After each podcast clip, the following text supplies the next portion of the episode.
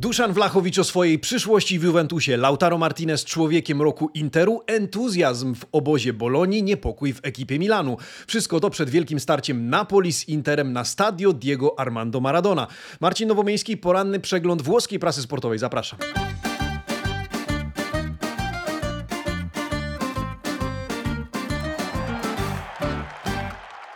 Buongiornissimo, amici sportivi. Piątek, 1 grudnia 2023 roku. Dzień dobry. Moi drodzy, zapraszam do subskrybowania kanału Amici Sportivi i pozostawienia lajka pod tym przeglądem włoskiej prasy sportowej. Dzisiaj nieco później, ale oczywiście jesteśmy w wersji flash, czyli dzisiaj przyglądamy się krótko i sprawnie, o czym pisało się we Włoszech, we włoskiej prasie sportowej w mijającym tygodniu, a jesteśmy u progu 14 kolejki Serie A, której początek już dziś wieczorem. Juventus kontra Monza, a w zasadzie Monza kontra Juventus. Co na ten temat włoskie dzienniki i nie tylko.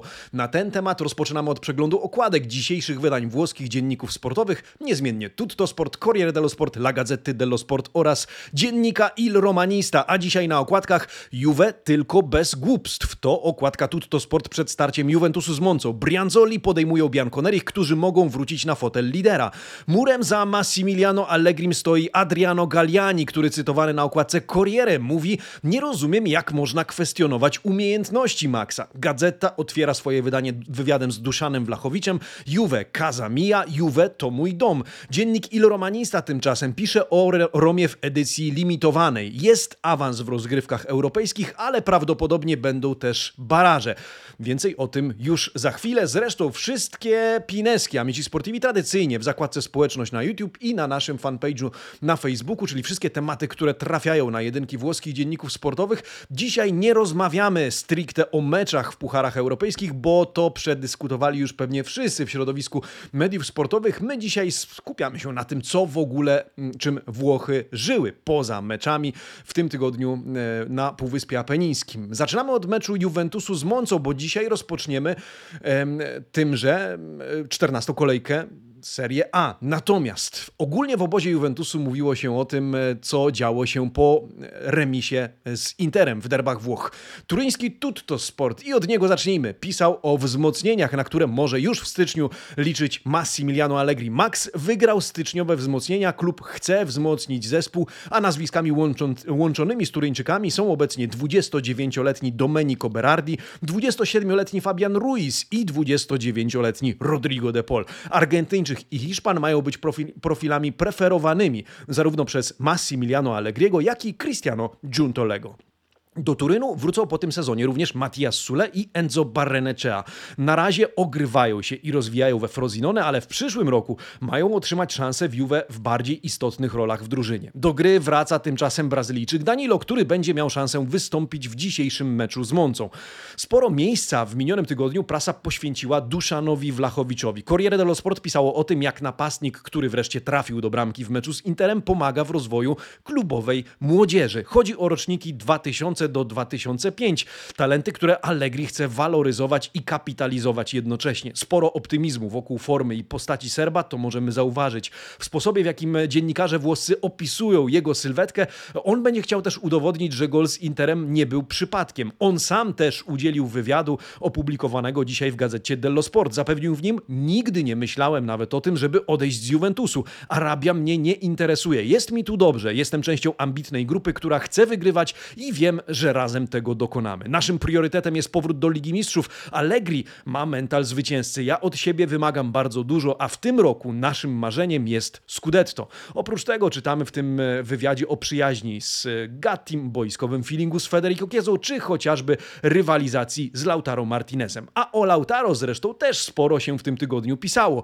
Gazeta dello Sport nazwała go mianem człowieka roku, nie tylko Interu, ale w ogóle Serie A, ponieważ w magicznym 2023 roku strzela co 90 minut i jest prawdziwym pociągowym Nerazzurich. Począwszy od stycznia zdobył już w Serie A 27 bramek i tylko jednej brakuje mu do wyniku Cristiana Vieriego i Diego Milito, których goni. Co więcej, 5 trafień brakuje mu do Najersa, który dzierży prymat pod tym względem od 1951 roku. Najlepszą piątkę strzelców ligowych w tym roku kalendarzowym dopełniają Victor Ozimen 23 gole, Domenico Berardi 18 trafień i Olivier Giroud oraz Romelu Lukaku Lukaku po 15 zdobytych bramek. A już w niedzielę wieczorem wielkie starcie Interu na wyjeździe z Napoli na Diego Armando Maradona. Będzie to mecz wielu pojedynków, między innymi pojedynku dwóch wspomnianych bomberów, Lautaro i Ozimena, a wszystkiemu będzie przyglądał się na żywo Luciano Spalletti, dla którego będą to swego rodzaju derby, bo z jednej strony jego dawny zespół Napoli, z drugiej strony kadrowicze w obu ekipach, zwłaszcza w Interze.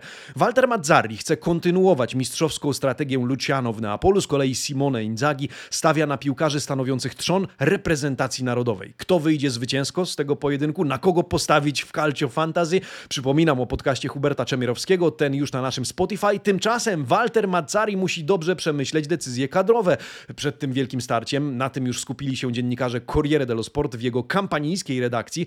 Mecze z Atalantą i Realem Madryt dały szkoleniowcowi pewne odpowiedzi. W zwyżkowej formie są m.in. Zampo Angisa i Stan Lobotka. Nieźle radzi sobie, radzi sobie Cholito Simeone. Największymi lukami, wadami są z kolei faza defensywna e la condizione fisica, kondycja fizyczna. Wciąż nie wiadomo, czy zagra Piotr Zieliński, mający problemy ze zdrowiem po starciu z Ridigerem w meczu z Realem Madryt. Jeśli Polak nie da rady, zagra w jego miejsce Eli Felmas. Czekamy na wielki pojedynek na Diego Armando Maradona. A co tam, panie, w Romie? W Romie nastroje słodko-gorzkie. Słodkie, bo po wczorajszym remisie z Servet Giallorossi wywalczyli udział w dalszej części rozgrywek europejskich. Gorzkie, bo wiele wskazuje na to, że zakończą fazę grupową na drugim miejscu, co oznaczałoby dla nich lutowe baraże o awans. O tym pisze dzisiaj zaniepokojona redakcja dziennika Il Romanista. Po wczorajszym starciu piłkarze są rozczarowani, a Jose Mourinho wściekły, sygnalizując, że niektórzy zagrali bardzo lekkomyślnie, bardzo nieodpowiedzialnie, na co w Europie nie może być miejsca. Dzisiaj zespół romanistów wróci do treningów, bo trzeba przygotowywać się do starcia ligowego z Sassuolo,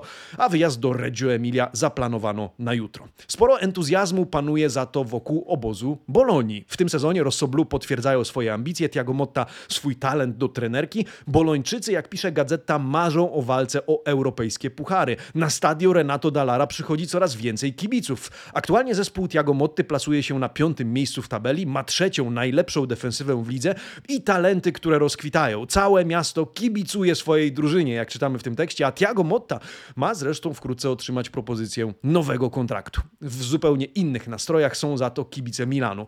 Po porażce z Borussią Dortmund w Lidze Mistrzów są już niemal za burtą tych rozgrywek. Co pisze się na ten temat?